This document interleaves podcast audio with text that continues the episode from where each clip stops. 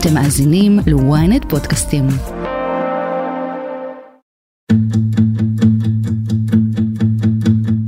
מה שהאמריקאים טוענים עכשיו שזה זה מה שיש, שאין משהו יותר טוב. זה או איראן יכולה לצאת לפצצה גרעינית ואין שום דבר שיכול לעצור אותם, או אנחנו נגיע לאיזושהי הבנה. עכשיו זה כבר רשמי. איראן מאשרת שחזרה לנהל שיחות על הסכם גרעין. הסכם גרעין שממשלת ישראל מתנגדת אליו בתוקף. הסכם גרעין עם מדינה שהיא סף גרעינית. ואם היא רוצה, יש לה כמות מספקת לפצצ... אפילו שתי פצצות בתוך 12 יום. איראן קרובה יותר מתמיד לפצצה, וקרובה יותר מתמיד לשכנותיה במזרח התיכון. הסכם נורמליזציה עם סעודיה בתיווך סין, שיחות עם ארצות הברית בתיווך עומאן וקטאר, ואולי אפילו החזר כספי עצום מעיראק. איך איראן שבה להיות כוח פוליטי מקובל במזרח התיכון? וכמה ההסכם מחדש מסוכן לנו? אני יוסי פישר, וזאת הכותרת. Bonnie and I traveled halfway around the world to go to Persia. Our plane landed at Tehran, the capital city. Bonnie and I have traveled and filmed in over 50 lands, but few, if any, have had the color and the beauty and the dramatic impact of the strange, partly ancient, yet partly modern land of Persia. דוקטור ברנדון פרידמן, חוקר בכיר במרכז דיין ללימודי המזרח התיכון באוניברסיטת תל אביב. אני אולי נוסטלגי, אבל אני זוכר תקופה באמצע המאה הקודמת שהיחסים עם איראן היו מעולים, פוריים ומלאים בשיתופי פעולה. פעם לא היינו האויבים הכי גדולים אחד של השני. קח אותנו לרגע בו הכל השתבש. For thousands of Iranians, most of them young, rampaged through the streets of Tehran, shouting down with the Shah, death to the Shah. זה התחיל עם המהפכה ב-1979, עלייה של הרפובליקה האסלאמית, כתוצאה מהתנגדות נגד מוחמד רזה שאה, שהיה תהליך שהתחיל באמצע שנות ה-60 בעצם. ומאז 1979 איראן הפכה להיות מדינה שאימצה איזה דרך של אסלאם הרדיקלית ומאוד קשה להבין את הדור של מנהיגות באיראן עכשיו בלי להבין את הניסיון של הדור הזה במלחמת איראן-עיראק בשנות ה-80 של מאה ה-20. Deep in Iranian territory, Iraqi armour chalks up fresh successes on the battlefield.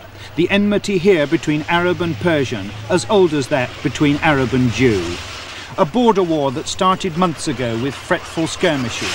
A war that no one now seems able to stop. A war that still threatens the world. מלחמת איראן-עיראק הייתה בעצם אחד הגורמים שהביא את איראן לחשוב שוב על נשק גרעיני. ואני מדגיש שוב, כי האמת היא שעוד לפני המהפכה האסלאמית, המלך האיראני דאז, ידידנו, שח מוחמד רזה פהלוי, פיתח תוכנית גרעין איראנית משל עצמו, למטרות שלום, בסיוע ארצות הברית. אחרי המהפכה וההקמת של הרפובליקה האסלאמית, המנהיג העליון הראשון, אייתולה חומני, הפסיק את התוכנית גרעינית שהייתה למוחמד רזה שאה בשנות ה-70 והקפיא אותה. אבל כתוצאה ממלחמת איראן-עיראק, מנהיגים בתוך הרפובליקה האסלאמית באמצע שנות ה-80, החליטו להתחיל את התוכנית מחדש שוב, ופנו לכל מיני גורמים כדי לבנות מחדש את התוכנית גרעינית של איראן. אחרי המלחמה שהסתיימה ב-1988 והמנהיג העליון אייתולה חומני נפטר ב-1989, התחילה איזשהו עשור בשנות התשעים שאיזה גישה אחרת למערכת בינלאומית. ואפשר להגיד זה היה כתוצאה מהצורך אה, לשפר את המצב כלכלי של איראן אחרי המלחמה. וזה המשיך אה, בשנות התשעים אה, מתחת המנהיגות של הנשיא מוחמד חתמי אבל חשוב לזכור שהיה מנהיג עליון חדש עלי חמנאי ובמהלך שנות התשעים חמנאי אה, התחיל אה, להתחזק כמנהיג עליון Although on the surface, regime's main nuclear activity revolves around Bushehr nuclear plant, many secret nuclear programs are at work without any knowledge of International Atomic Energy Agency. ואפשר להגיד ב-2002 העולם גילה את התוכנית גרעיני הסודי של איראן ובמקביל ראינו את הכוח של חמני בתוך הזירה הפנימית של הפוליטיקה האיראנית. تهدید ملت بزرگ ایران به حمله نظامی از سوی سهیونیست های بی فرهنگ از نمونه های بارز این واقعیت تلخ است עם העלייה של מחמוד אחמדינג'אד לנשיאות באיראן ראינו איזושהי פנייה לגישה יותר רדיקלית בבמה הבינלאומית של איראן. הנאומים והאיומים התוקפניים של אחמדינג'אד נענו בסנקציות כבדות מצד הממשל האמריקאי. וכשאחמדינג'אד ירד מהשלטון, איראן הייתה חייבת להתגמש. תשמע, גם היה, אחרי אחמדינג'אד היה את הנשיאות של חסן רוחני שהיה נחשב כיותר מתון מאחמדינג'אד, אבל עדיין חלק מהמערכת הרדיקלית של איראן. אבל רוחני הצליח לחתום על ההסכם הראשון ב-2015-16 של ההסכם גרעיני עם המערב.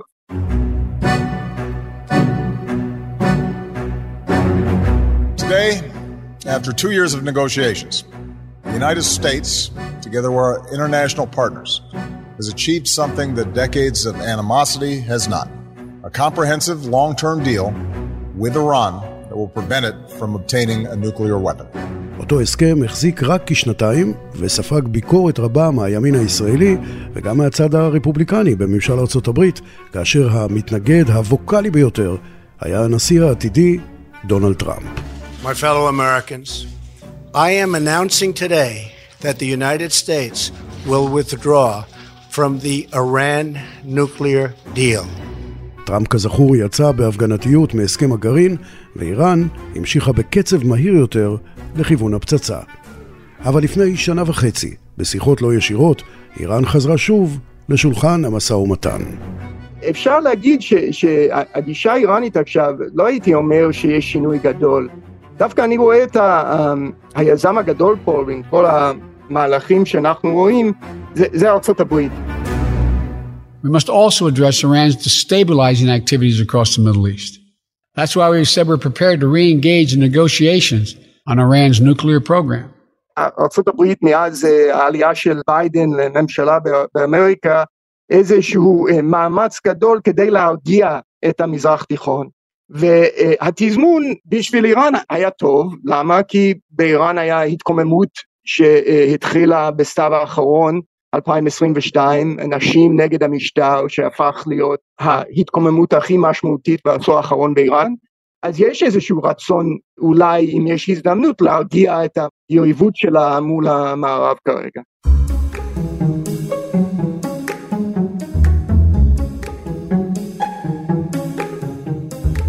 אבל צריך לזכור, כל המצב הנוכחי הוא חלק מאסטרטגיה זהירה ומתוכננת לפרטים של הממשל האמריקני. אז בואו ניקח צעד אחורה ולהבין באמת מה קורה פה. היה מאמר שכתב יועץ הביטחון לאומי של ביידן, ג'ייק סוליבן, שנכתב ב-2020, היה ההזדמנות האמריקאית במזרח תיכון. והם כתבו שם המפה של המדיניות ביידן כשהוא עלה לממשלה כנשיא החדש של ארה"ב. היו להם שלוש מטרות.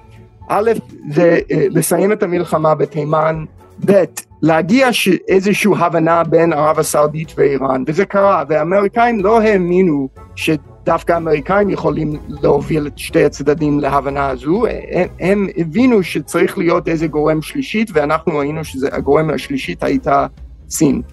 והמטרה השלישית היה איזושהי חזרה להסכם גרעיני עם איראן. ראינו מאמץ גדול ב-2021 דווקא להגיע לשלוש המטרות האלה, וזה לא כל כך תפס. ועכשיו ההקשר הוא חדש, ועכשיו יש הזדמנות להרגיע את האזור, כי זה באינטרס של איראן, זה באינטרס של ערב הסעודית ושחקנים אחרים, וזה גם משרת את האינטרסים של ארצות הברית, כי ארצות הברית רוצה להתמקד בתחרות בין המעצמות העולמיות, רוסיה וסין, והיא לא רוצה להשקיע יותר מדי במזרח תיכון. בגלל זה היא מתאמצת עכשיו כדי להגיע לאיזושהי הבנה עם איראן, די אסקלציה, די הסלמה אם אתה רוצה. ועכשיו יש על השולחן מה שקראו uh, תוכנית ג' זאת אומרת תוכנית א' הייתה את ההסכם גרעיני שטראמפ עזב תוכנית ב' היה לחץ מקסימלית, ביידן מרגיש שזה לא עבד אחרי טראמפ עזב את ההסכם גרעיני, אז הם עוברים לתוכנית ג' עכשיו, ותוכנית ג' זה, זה מה שאומרים less בשביל less, less for less, או פחות לפחות, זה אומר שאיראן רק תמשיך לאשר יורניום עד 60 אחוז, לא יותר, וארצות הברית אה, משחרר כסף שיש לאיראן בעיראק ויכול להיות גם בדרום קוריאה ואיראן אה, גם אמורה לשחרר אה, כמה אסירים מערבים שיש לה בתוך המדינה. אבל זה לא כל כך מטפל בכל מיני סוגיות אחרות מאוד חשובות כמו הפיתוח של הסנטרופוגות בתוך איראן, כמו הפיתוח של הטילים בליסטיים שיש לאיראן אבל מה שהאמריקאים טוענים עכשיו שזה זה מה שיש, שאין משהו יותר טוב, זה או איראן יכולה לצאת לפצצה גרעינית ואין שום דבר שיכול לעצור אותם, או אנחנו נגיע לאיזושהי הבנה. ופה גם יש את הסיפור של נורמליזציה בין ישראל וערב הסעודית, ויש אנשים שטוענים שאמריקאים באותו עת שהם רוצים להגיע להבנה גרעינית עם איראן, מנסה לתווך איזושהי נורמליזציה, הסכם נורמליזציה בין ערב הסעודית וישראל כדי לאזן וגם כדי להרתיע את איראן.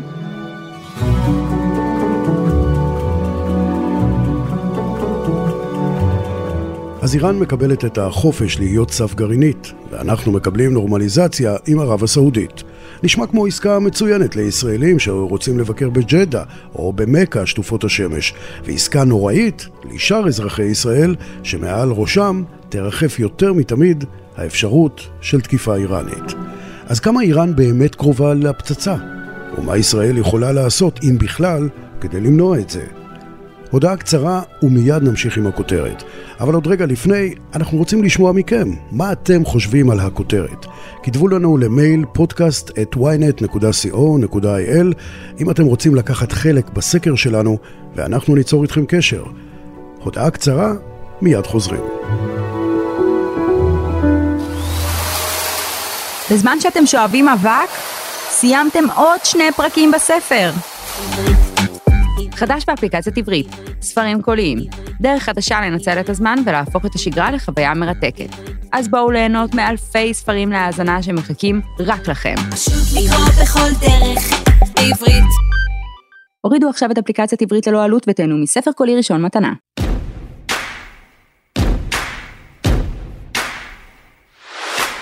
פרשננו הצבאי רון בן ישי, לפי הדיווחים, המגעים המחודשים בין טהרן לבין וושינגטון בנוגע להסכם הגרעין נערכים בדיוק כמו בשנה שעברה, שוב באופן לא ישיר, שוב מתחת לשולחן, והפעם בתיווך של אומן וקטאר. בשנה שעברה השיחות הגיעו למבוי סתום. האם הפעם זה הולך להיות שונה? אי אפשר לדעת. אי אפשר לדעת מפני שהתנאים לא השתנו, והאיראנים עדיין דורשים מארצות הברית שתיתן להם ערבויות שהיא לא תיסוג עוד פעם מההסכם או מההבנות שיושגו. אבל הפעם יש סיכוי יותר טוב שיושג משהו בצורת לא הסכם, אלא הבנות בעניין הגרעין, שיכללו מצד איראן הפסקת העשרה של אורניום לרמה גבוהה מאוד של 60 אחוז או בהמשך ל-90 אחוז, ומצד ארצות הברית זה שארצות הברית תפחית את הסנקציות שלה על איראן, בעיקר הסנקציות שנוגעות להקפאת חשבונות איראניים בבנקים בדרום קוריאה, בעיראק ובארצות הברית, וייתכן שיהיו גם הקלות בסנקציות שאוסרות על איראן לייצא נפט. זה לאיראנים חשוב מאוד, ומה שהם יצטרכו בעצם לעשות זה לא לוותר על תוכנית הגרעין שלהם, אלא להקפיא אותה לאיזשהו זמן. בזמן הזה הם יוכלו לייצר צנטרפוגות יותר חדישות וכן הלאה וכן הלאה. ולכן גם ישראל מאוד חוששת מזה. ישראל גם חוששת שאם יושגו הבנות כאלו, הם לא יקראו הסכם, יושגו הבנות כאלו, לישראל יהיה קשה לפעול נגד איראן, אם וכאשר איראן תחליט להמשיך להעשיר אורניום ואולי גם לייצר את הפצצה עצמה. There's only one way to peacefully prevent Iran from getting atomic bombs, And that's by placing a clear red line on Iran's nuclear weapons program. A red line should be drawn right here. Each day that point is getting closer. מאז שארצות הברית פרשה בהסכם הגרעין ב-2018, איראן מש, משאירה עוד ועוד אורניום. השאלה היא איפה הם נמצאים עכשיו, והאם עברנו כבר את הקו האדום, אנחנו זוכרים שנתניהו סימן בנאום המפורסם ההוא באו"ם. לא, לא עברנו עוד את, את מה שנקרא הקו האדום. איראן עד עכשיו היא השאירה גרמים ספורים לרמה של 84 אחוז, הם טענו שזה ב, זה היה תאונה, זה, זה משהו בתהליך הייצור השתבש, ויצא להם כמה גרמים של 84 אחוז, שזה כידוע כמעט 90 אחוז, וזה בעצם חומר בקיע לפצצה. אבל רוב הכמות היא כמות של אורניום מועשר לדרגה של 5 אחוז, ויש להם אורניום מועשר לדרגה של 20 אחוז, ויש להם אורניום מועשר לדרגה של 60 אחוז. כך שאיראן היא בעצם מדינה סף גרעינית בלי לעבור את הקו האדום שנתניהו התווה באו"ם. הקו האדום, אם אתה זוכר, עובר ב-90 אחוז, כלומר שאיראן מעשירה אורניום והוא יכול, מה שהיא השאירה, התוצר של ההשערה, יכול, לש... יש כמות מספקת ממנו לייצור לפחות פצצה אחת. כיום לאיראן יש מספיק אורניום מועשר בכל הרמות לשבעה ראשי קרב גרעיניים, אבל אה, אין לה כמות מספקת לראש קרב גרעיני בדרגה של 90 אחוז. כך שאיראן נמצאת במצב הקלאסי של מדינה סף גרעינית, שהיא שולטת למעשה בתהליך העשרת האורניום, ואם היא רוצה, יש לה כמות מספקת לפצצ... אפילו שתי פצצות בתוך 12 יום. זה מדינה סף גרעינית. מה אין לאיראן? אין לאיראן את מנגנון הנפץ, את הפצצה עצמה. היא לא פיתחה, ככל הידוע, לשירותי המודיעין במערב, והיא גם לא עובדת על זה בצורה מסודרת. וההערכה היא שכדי לייצר את מנגנון הנפץ ואחר כך למזער אותו לגודל שאפשר להתקין אותו בטיל בליסטי או בטיל שיוט, זה ייקח לה בין שנה לשנתיים.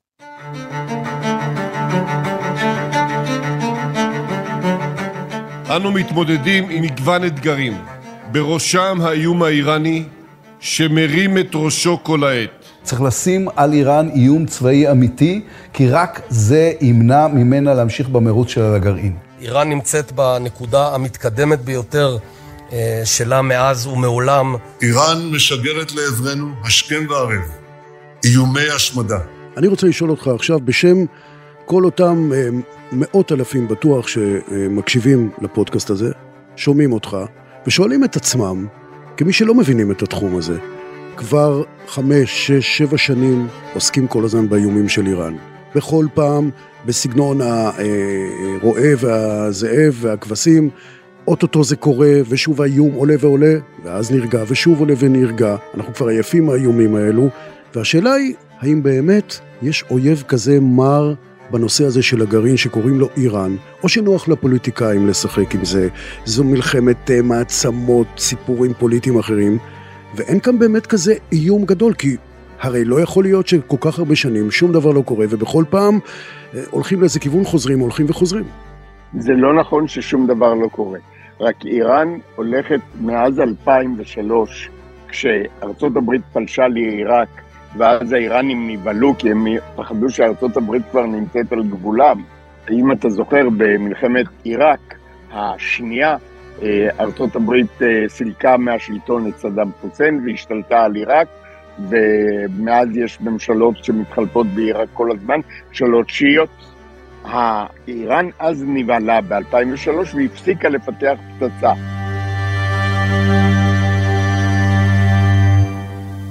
אבל מאז, כעבור שנתיים שלוש, היא חידשה את העשרת האורניום, רק שלאיראן לא בוער כלום. הם הולכים לאט לאט לכיוון ההעשרה. כדי שתהיה לך פצצה אתה צריך שלושה מרכיבים. מרכיב אחד זה חומר בקיע, זה העשרת האורניום או פלוטוניום מועשר. הרכיב השני זה מנגנון הנפץ. אתה צריך לדעת לייצר פצצה גרעינית או נשק גרעיני. הרכיב השלישי זה הטילים והמטוסים שיכולים לשאת את הנשק הגרעיני ולהטיל אותו במקום שאיראן רוצה. לאיראן יש טילים והיא יכולה להשתמש בהם, אבל אין להם את ראש הקרב, אין להם את הנשק הגרעיני עצמו, ועדיין הם נמצאים ממש שבועיים לפני ייצור החומר הבקיע לפצצה. למה הם נמצאים שבועיים? כי הם לא ממהרים לשום מקום. כי ברגע שהם מדינה סף גרעינית, כמו שתיארתי קודם, האזור כבר רואה בהם מדינה גרעינית לכל דבר, וארצות הברית נאלצת להתחשב בהם, אז למה להם לדהור לעבר פצצה גרעינית ולספוג סנקציות מכל העולם, כשהם יכולים ללכת בלי, פורמלית, ולהיחשב על ידי כל סביבתם, מבחינה אסטרטגית, כמדינה שיש לה יכולת גרעינית ולא כדאי להתעסק איתה. רון, בוא תיקח אותנו לתרחיש היפותטי. יום אחד במוסד, או בדרך אחרת, מגיעה התראה ומתגלה שאיראן מחליטה לרוץ קדימה עם מה שאנחנו קוראים 12 הימים הגורליים לפרוץ לפצצה. מה עושה ישראל ברגע שזה מתחיל? ישראל, דבר ראשון, בודקת מה המצב הגיאוסטרטגי. מפני שזה שאיראן תעשיר ל-90 אחוז, זה עדיין לא אומר שיש לה פצצה. איראן, לפחות רשמית, ועד כמה שידוע גם לשירותי המודיעין המערבים, לא מפתחת כרגע את מנגנון הנפץ ולא מזערה אותו כדי ראש קרב מבצעי לטיל. ולכן, אז מדינת ישראל תצטרך לעשות חישוב. האם לעצור את איראן בשלב הזה, שבו יש להם חומר בקיע אבל אין להם פצצה, או להגיד מבחינתנו זה חציית הקו האדום ואנחנו צריכים לפעול. כשיבואו לרגע, לדילמה הזאת, נצטרך גם לדעת האם ארצות הברית איתנו. ואם היא איתנו, מה זאת אומרת היא איתנו? האם היא תיתן לנו רק סיוע לוגיסטי, סיוע במודיעין, סיוע בתדלוק אווירי, או שארצות הברית תבוא איתנו לקרב. כל השיקולים האלו הם שיקבעו מה ישראל תעשה באותו רגע. אני מזכיר לך שמלחמה עם איראן, או הפצצת מתקני הגרעין באיראן, פירושה מלחמה אזורית. חיזבאללה יצטרף, חמאס יצטרף, עיראק תצטרף, סוריה תצטרף, זוהי ההנחה הקיימת היום. ולכן כשאתה יוצא למלחמה מול איראן, אתה צריך להביא בחשבון שבעצם אתה יוצא למלחמה כלל אזורית. ולמרות זאת, רון, אנחנו שומעים חדשות לבקרים בשבועיים האחרונים את האזהרות של בכירי מערכת הביטחון, ולא רק הם, שמאיימים ורומזים, אנחנו נמצאים משהו כמו אה, ימים לפני תקיפה של ישראל. תראה, אנחנו והאיראנים והאמריקאים זה משולש, ומדינות האזור זה מרובע, מאותתים אלה לאלה כל הזמן. אין שום סיבה אקוטית שבגללה מדינת ישראל אוטוטוט יוצאת למלחמה. אין כרגע סיבה כזאת. אבל אנחנו רוצים להבהיר לאמריקאים שאם הם יחתמו או יגיעו להבנות עם איראן, הן לא בהכרח מחייבות את ישראל, ולכן האיתותים האלו שאנחנו שולחים לארצות הברית, בעיקר לארצות הברית, נתפסים על ידי הציבור הישראלי בטעות כאזהרות מפני מלחמה שאו-טו-טו קורית לנו, ולא היא. האיתותים מיועדים לשני גורמים בעיקר, אולי לשלושה, לארצות הברית בראש ובראשונה, לאיראן ולחיזבאללה, שעלולים לעשות חישובים מוטעים כשהם רואים את השסע החברתי בישראל וחושבים שישראל חלשה ואיבדה את יכולתה להרתיע. רון בן ישי, תודה רבה על הדברים האלו, תודה. תודה לך. עד כאן הכותרת להפעם. תודה לרון בן ישי ולדוקטור ברנדון פרידמן, ותודה לכם שהאזנתם. אתם מוזמנים לעקוב אחרינו בוויינט רדיו, באפליקציה, בנייד, ברכב, או איפה שאתם שומעים את הפודקאסטים שלכם. אם זה קורה באפל או ספוטיפיי, אז גם דרגו אותנו בבקשה וכתבו לנו תגובה נחמדה. על הדרך, אנחנו ממליצים לכם להאזין לפרק על האויבים של ישראל מדרום. חפשו את הפרק מול מי ישראל נלחמת ברצועת עזה. אם אתם רוצים לשמוע עוד על יחסי הכוחות הפוליטיים החדשים במפרץ, חפשו את הפרק מזרח תיכון חדש בפודקאסט האמת היא עם עופר שלח. איתי בצוות הכותרת שרון קידון וישי שנרב, תחקיר, הפקה ועריכה גיא סלם, טכנאי סאונד הוא בן פישר, אני יוסי פישר, להתראות בפרק הבא של הכותרת.